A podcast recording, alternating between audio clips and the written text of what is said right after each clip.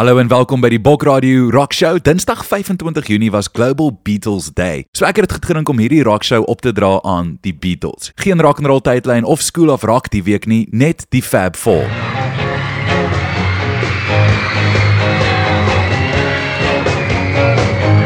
Die Beatles was die grootste en mees invloedryke rockgroep van sy era en het meer innovasies bekend gestel aan populêre musiek as enige ander groep in die 20ste eeu. Hulle was terselfdertyd die beste en die gewildste gewees in wat hulle doen. Die Beatles was kreatief en eksperimenteel en het in 1964 greep gekry op die internasionale massa bewussyn, 'n greep wat hulle sou hou vir 6 jaar. Hulle was altyd voor hulle tyd met kreatiwiteit en het altyd geweet hoe om hulle idees met die luisteraars van hulle musiek te deel. Hulle status as rock-ikone bly onbelemmerd dekades nadat hulle opgebreek het in 1970. Van Please Please Me tot Let It Be, hier begin ons ons eie Magical Mystery Tour van die Beatles se loopbaan.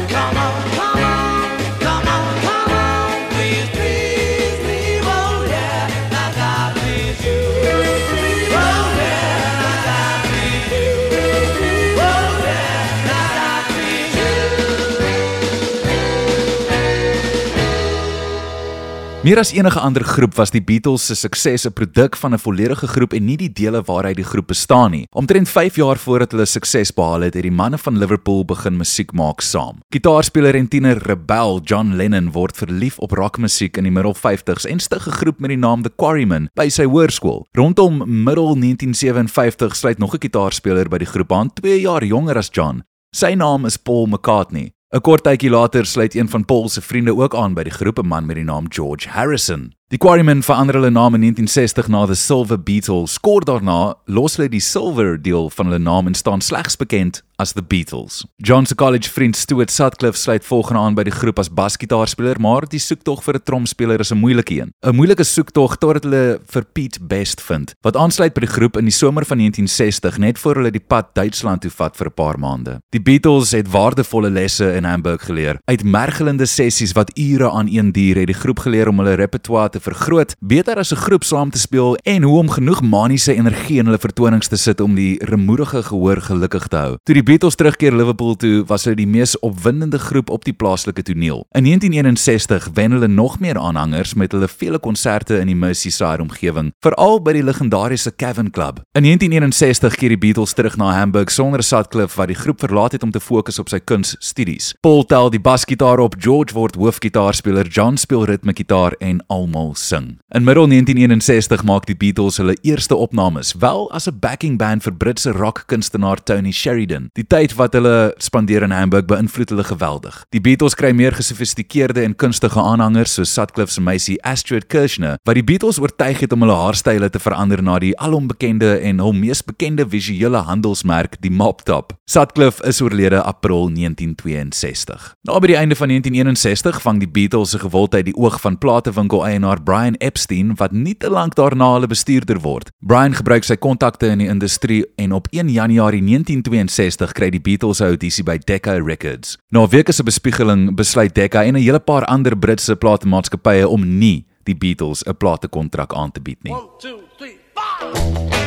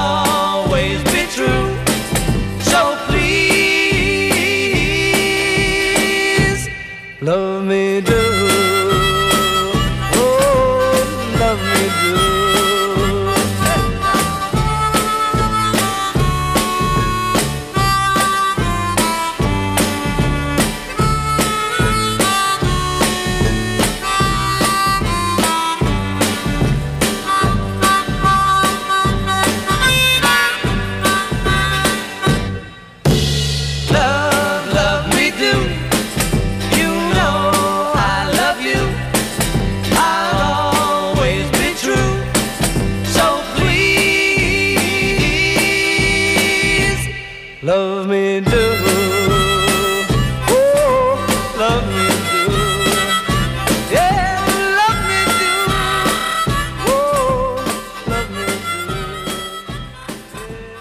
Brian Epstein se deursettingsvermoë het gesorg dat die Beatles uiteindelik 'n audisie kry by George Martin en in middel 1962 teken die groep 'n platekontrak by Parlophone, 'n afdeling van EMI Records. Dit is rondom hierdie tyd waar Brian die groep aanmoedig om die leerbaadjies te laat vaar en eerder in pakke en dasse op te tree. In Augustus 1962 word Pete Best gevra om die groep te verlaat, 'n kontroversiële besluit wat baie spekulasie veroorsaak het in die tussentyd. Was dit sy moeilike persoonlikheid? Was dit die ander lede van die groep se jaloesie as gevolg van sy gewildheid by hulle aanhangers, sy vermoë of eerder tekort aan vermoë om sy instrument te speel? Want op hierdie stadium het George Martin reeds vir Brian Epstein gesê dat Pete nie goed genoeg is vir opnames nie, of net eenvoudig die feit dat hy nie sy hare in bangs wou dra nie. Die mees waarskynlike antwoord, die Beatles het gevoel dat Pete se persoonlikheid nie werk in die groep nie. Hulle verkies om eerder vir Richard Starkey aan te stel, tromspeler van 'n ander Merseyside groep Rory Storm and the Hurricanes. Ringo Starr was 'n Beatle vir slegs 2 weke voordat hulle hulle eerste enkelsnit opneem in September 1962.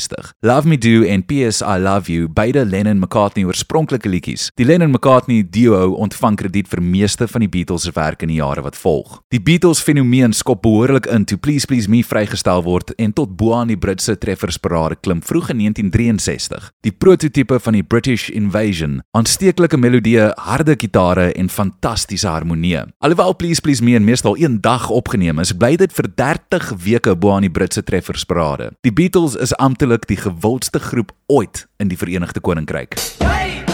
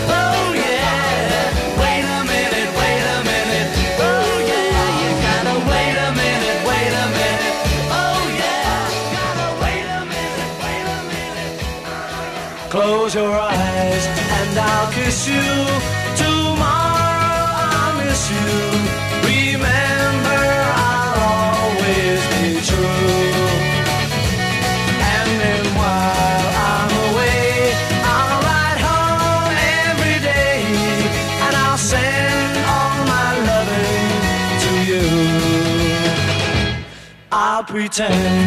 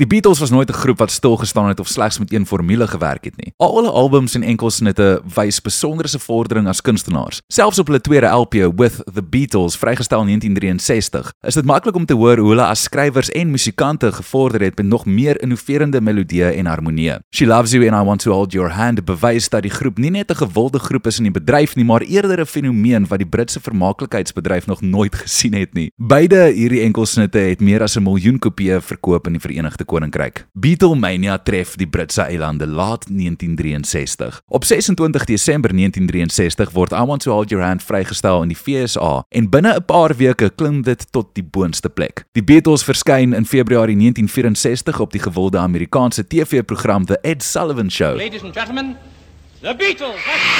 Beatlemania tref amptelik die FSA. In die eerste week van April 1964 het die Beatles die top 5 beste enkelsnitte opverkope en hulle hou die eerste twee plekke op die Amerikaanse albumtreffersparade, asook ander inskrywings op die Billboard Hot 100. Geen ander groep het gewilde musiek al so domineer soos die Beatles nie en geen ander groep sal waarskynlik dit ooit weer regkry nie. Meeste van die Beatles se enkelsnitte en albums sal nommer 1 bereik tot en met hulle opbreek in 1970.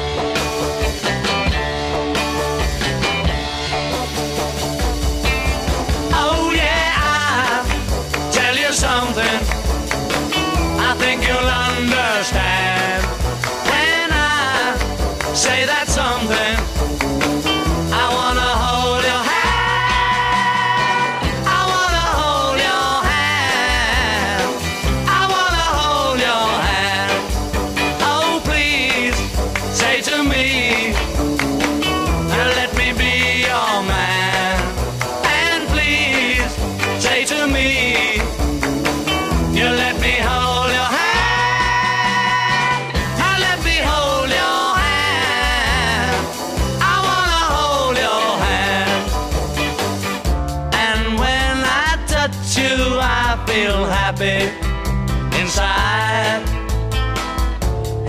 Such a feeling that my love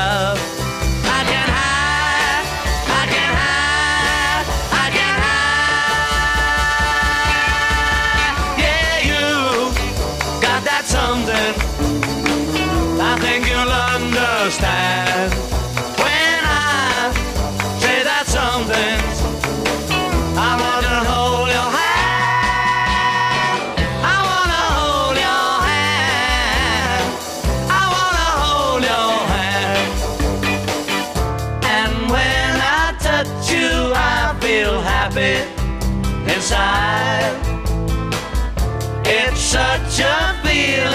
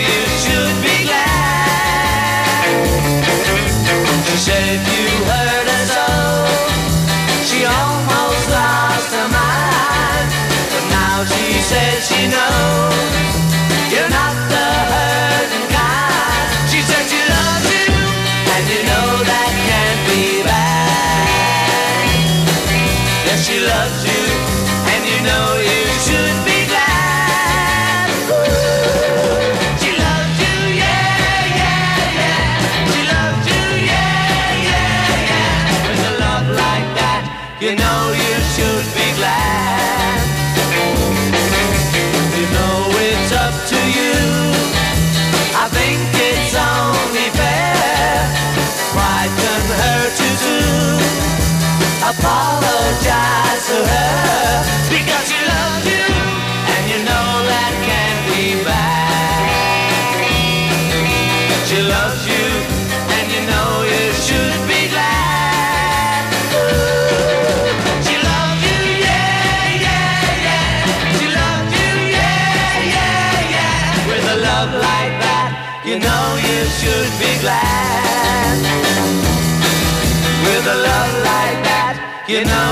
should be glad.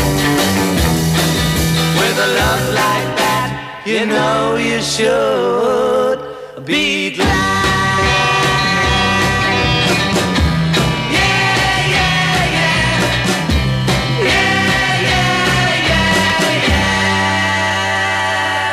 Baie kenners van die tyd het die Beatles afgeskryf as 'n tydelike fad, iets wat binne maande sal verdwyn. Die groep het verseker dat dit nie die geval is nie, toe hulle Hard Day's Night vrystel aan die begin van 1964. 'n Cinema verite tipe komedie blyspel rolprent wat hulle beeld as die Fab Four net meer bevestig. Die klankbaan is ook 'n oorwinning met slegs Lennon McCartney liedjies soos And I Love Her, If I Fell, Can't Buy Me Love en Things We Said Today. George Harrison se 12-snaar gitaarstukke het 'n groot invloed gehad op ander kunstenaars. Dit het byvoorbeeld byvoorbeeld The Birds, daai tyd volksangers, oortuig om eerder voluit rock and roll te doen. Die Beatles saam met kunstenaars soos Bob Dylan het 'n groot invloed gehad op die folk rock ontploffing van 1965. Die Beatles het ook die Amerikaanse mark oopgemaak vir mede Britse kunstenaars soos The Rolling Stones, The Animals en The Kinks.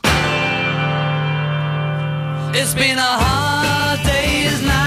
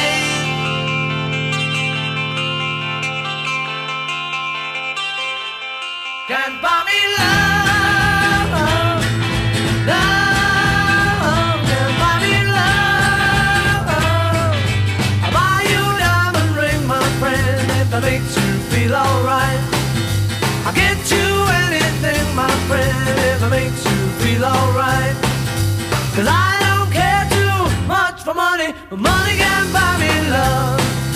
I'll give you all I've got to give if you say you love me too.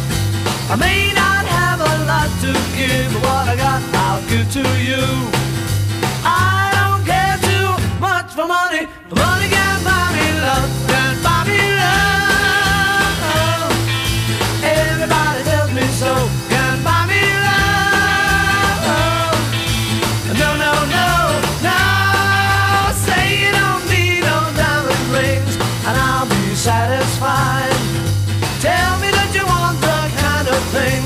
money just can't buy.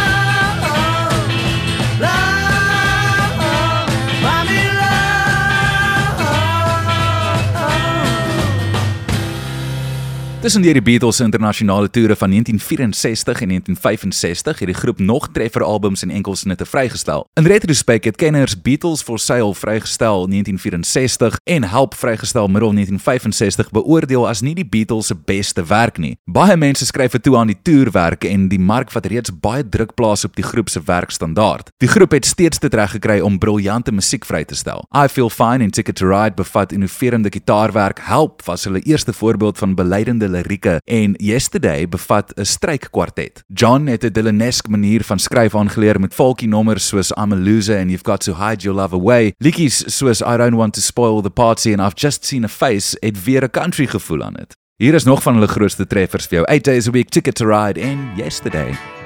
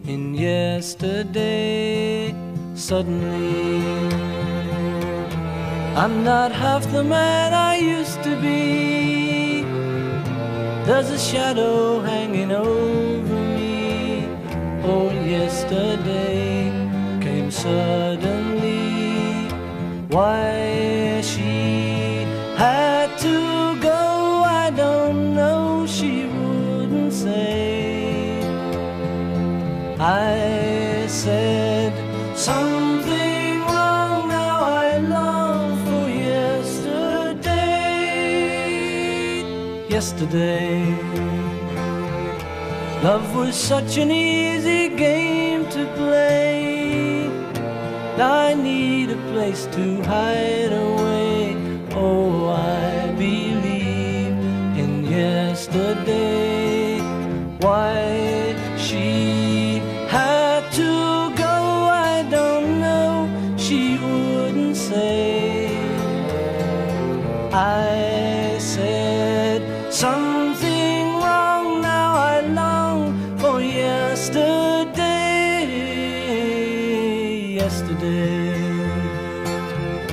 Love was such an easy game to play. Now I need a place to hide away. Oh, I believe in yesterday.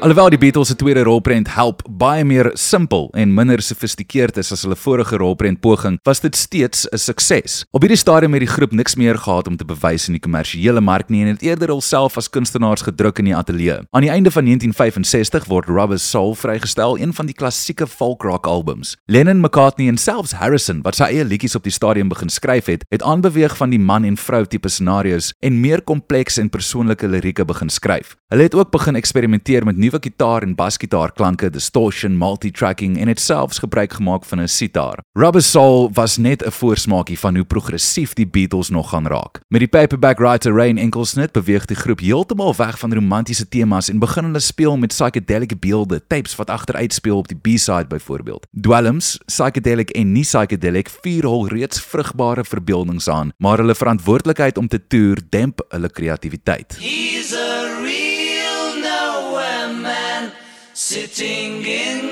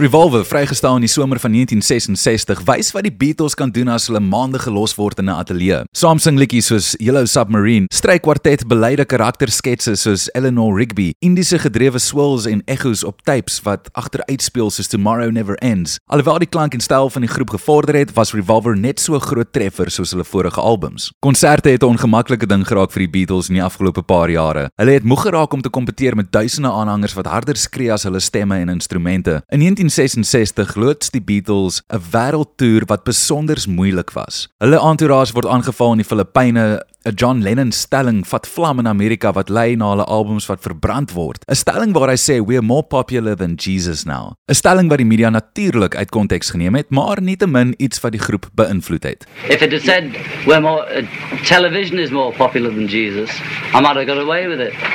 you know, but as I just happened to be talking to a friend, I used the word Beatles as a remote thing, not as what I think, as Beatles as though those other Beatles like other people us.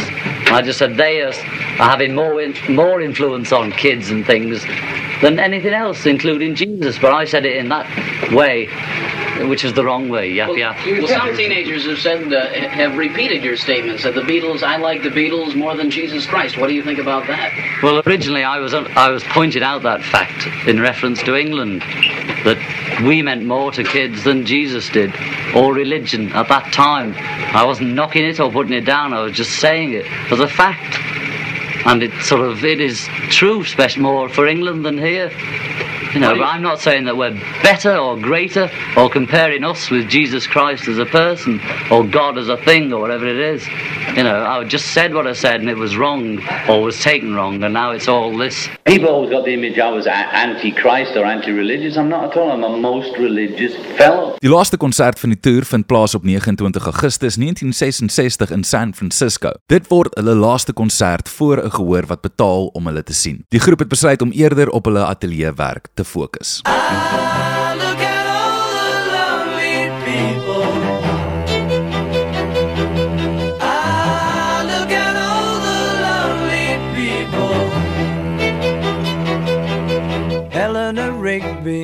picks up the rice in the church where a wedding has been. Lives in a dream, waits at the window, wearing the face that she keeps in a jar by the door. Who is it for? All the lonely people. Where do they all come from? All the lonely people. Where do they all belong? Father Mackenzie writing the words of a sermon that no one will hear. No one comes near. Look at him working, darning his socks in the night when there's nobody there. What does he care? All the lonely people. Where do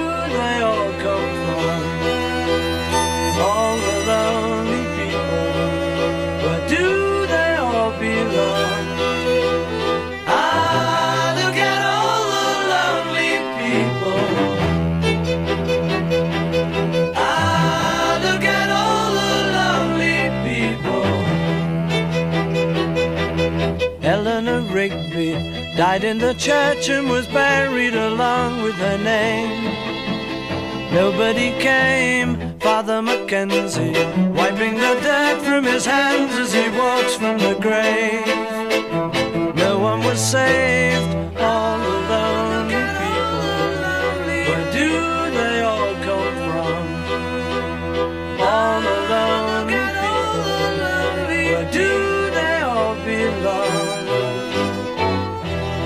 In the town where I was born lived a man who sailed to sea, and he told us of his life in the land of submarines. So we sailed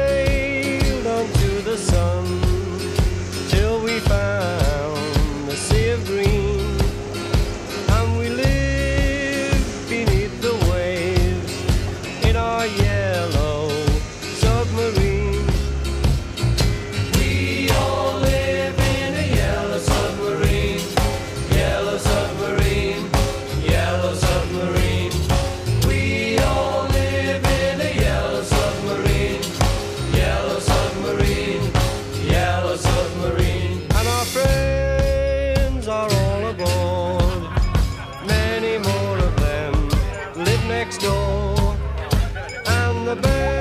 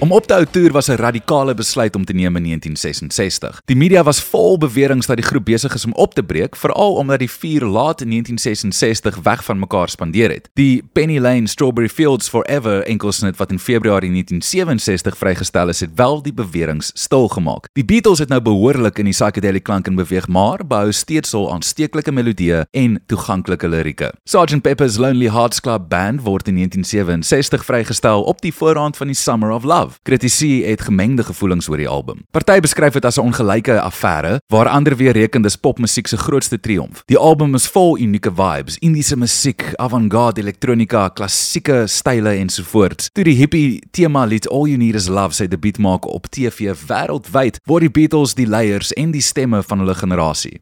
Of hulle dit nou wou hê of nie. Die groep sou vinnig begin ontrafel hierna. In Augustus 1967 is Brian Epstein, iemand wat sukkel met depressie en selfmoordneigings, oorlede van 'n dwelmoordosis wat die groep los sonder 'n bestuurder. Die groep het deurgedruk en voortgegaan met hul volgende rolprent Magical Mystery Tour. Hulle het self gewerk as regisseurs, maar die rolprent het fokus en professionaliteit gekort en het misluk toe dit sy debuut maak op BBC in Desember van 1967. Dit het die media 'n goeie geleentheid gegee om die Beatles sleg te maak. Vroeg in 1968 vertrek die groep Indië toe om 'n kursus in transcendentale meditasie saam met die Maharishi aan te pak. Dit het ook ammunisie verskaf aan die media toe die groep een vir een waai voor die einde van die kursus.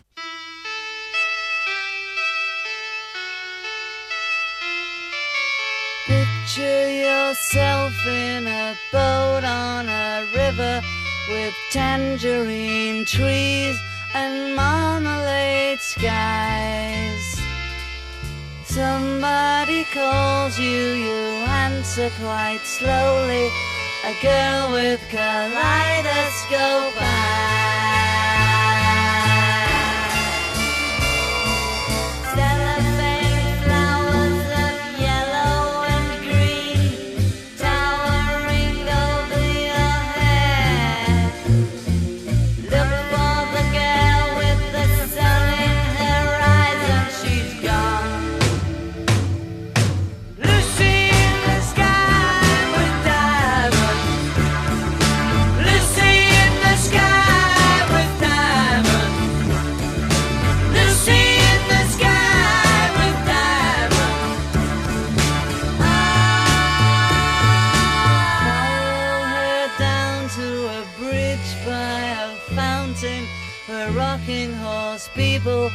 Eat marshmallow pies.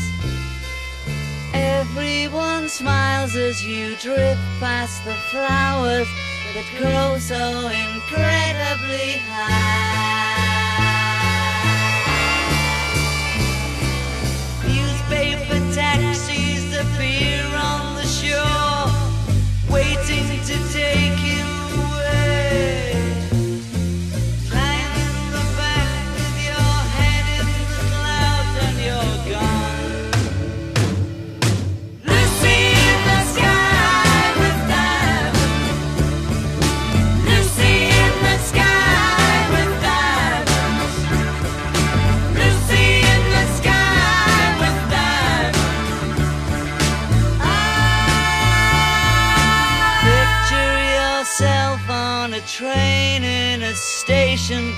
With plasticine pauses with looking glass ties. Suddenly someone is there at the turnstile. The girl with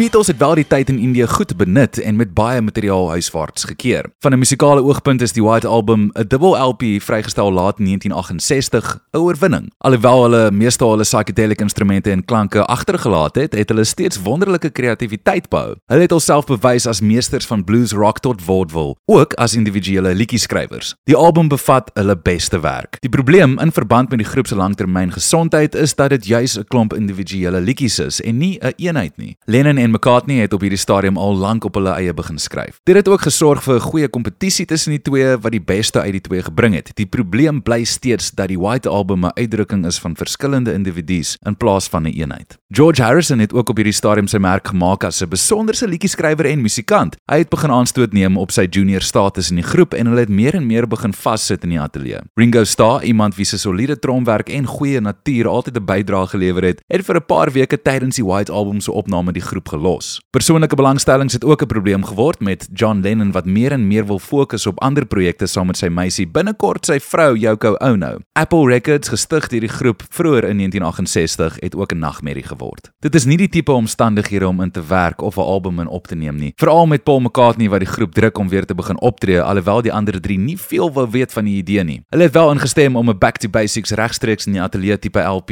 op te neem, 'n plan wat byna misluk het toe Harrison die groep verlaat vir 'n paar dae. Hy het wel teruggekeer, maar die plan om weer op te tree is gelos. Harrison het op die stadium Amerikaanse saal klaverbordspeler Billy Preston aangestel as 'n tipe vyfde lid om te help met verwerkings en om die ongemaklike atmosfeer bietjie te verlig in die ateljee. Om 'n konsertgevoel te gee aan die rolprent het hulle op 30 Januarie 1969 op die Apple hoofgebou se dak geklim en 'n impromptu konsert gelewer totdat die polisie dit gestop het. Dit was amptelik hulle laaste konsert van enige soort.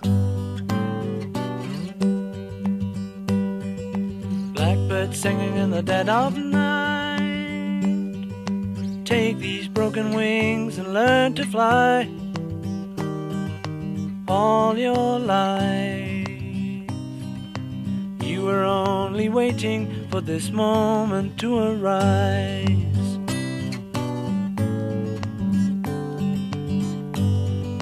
Blackbird singing in the dead of night.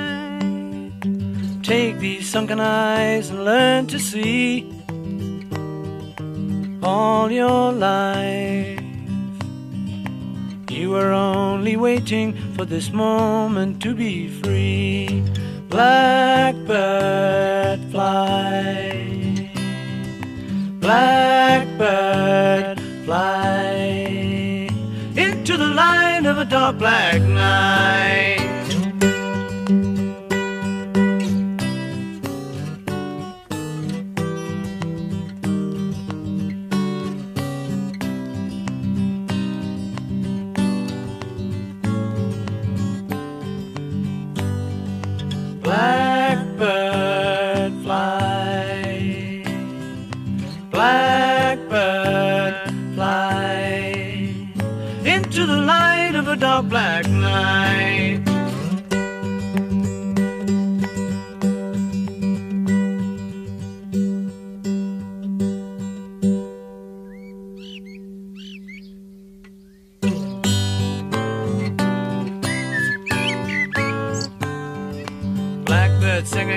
Dead of night.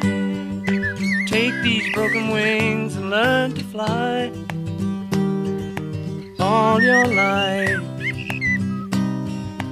You were only waiting for this moment to arise. You were only waiting for this moment to arise. You were only waiting for this moment to arise.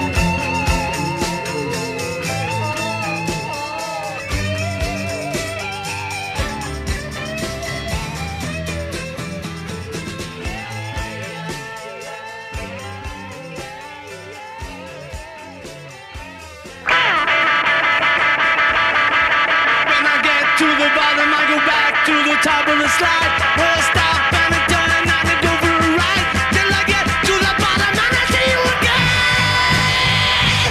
Yeah, yeah, yeah. Do you, don't you want me to love you?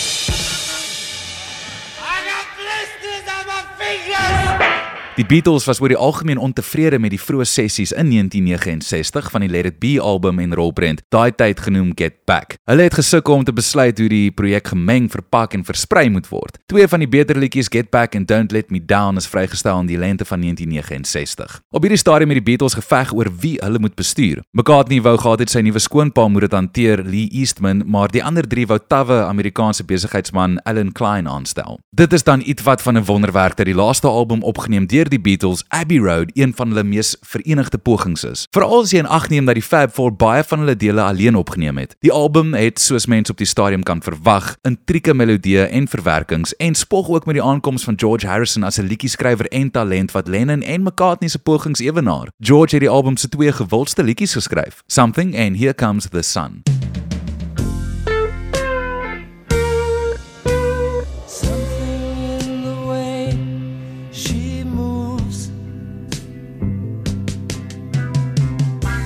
Attracts me like no other lover. Something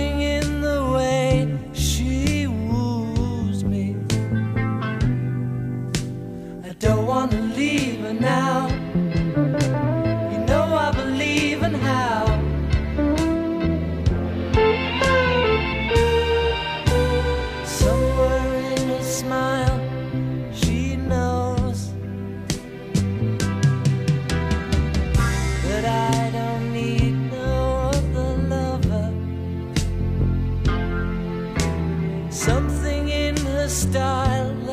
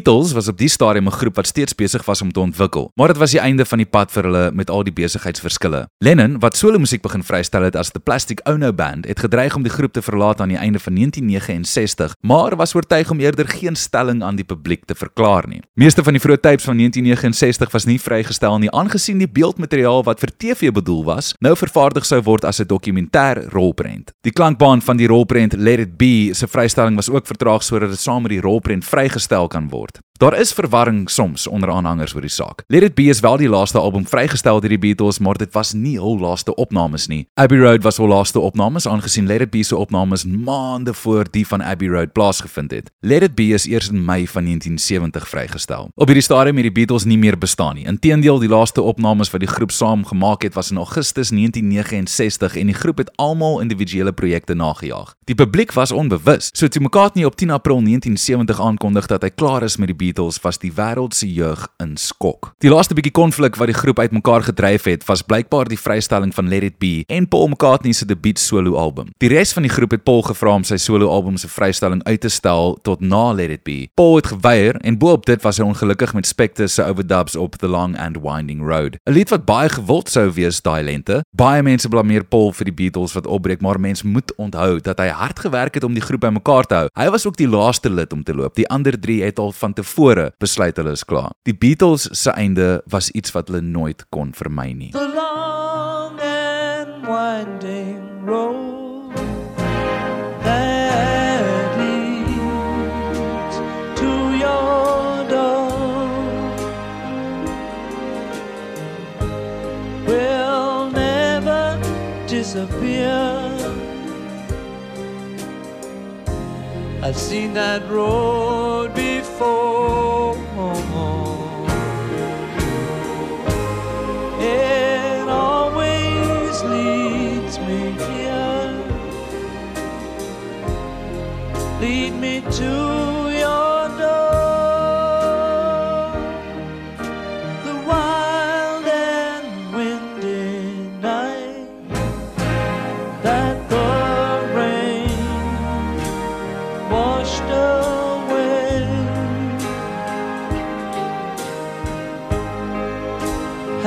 a pool of tears crying for the day. Why leave me standing here. Let me know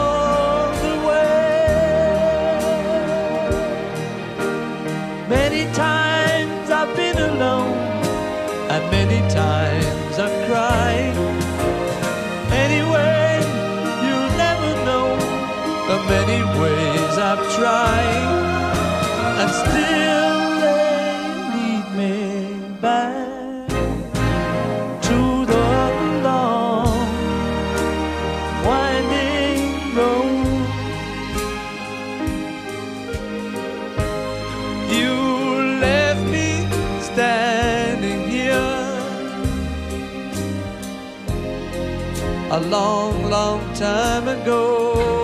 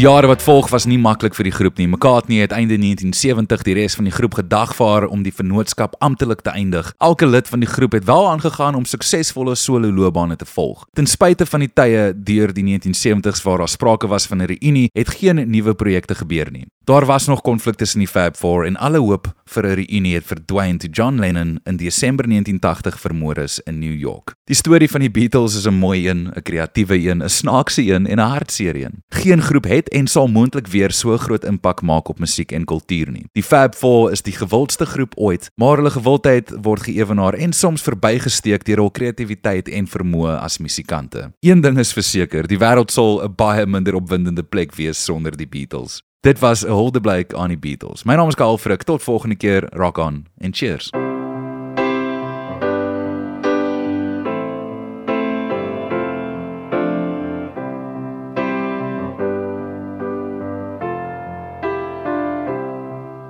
When I find myself in times of trouble, Mother Mary comes to me, speaking words of wisdom, let it be. And in my hour of darkness, she is standing right in front of me, speaking words of wisdom, let it be. Let it be, let it be, let it be,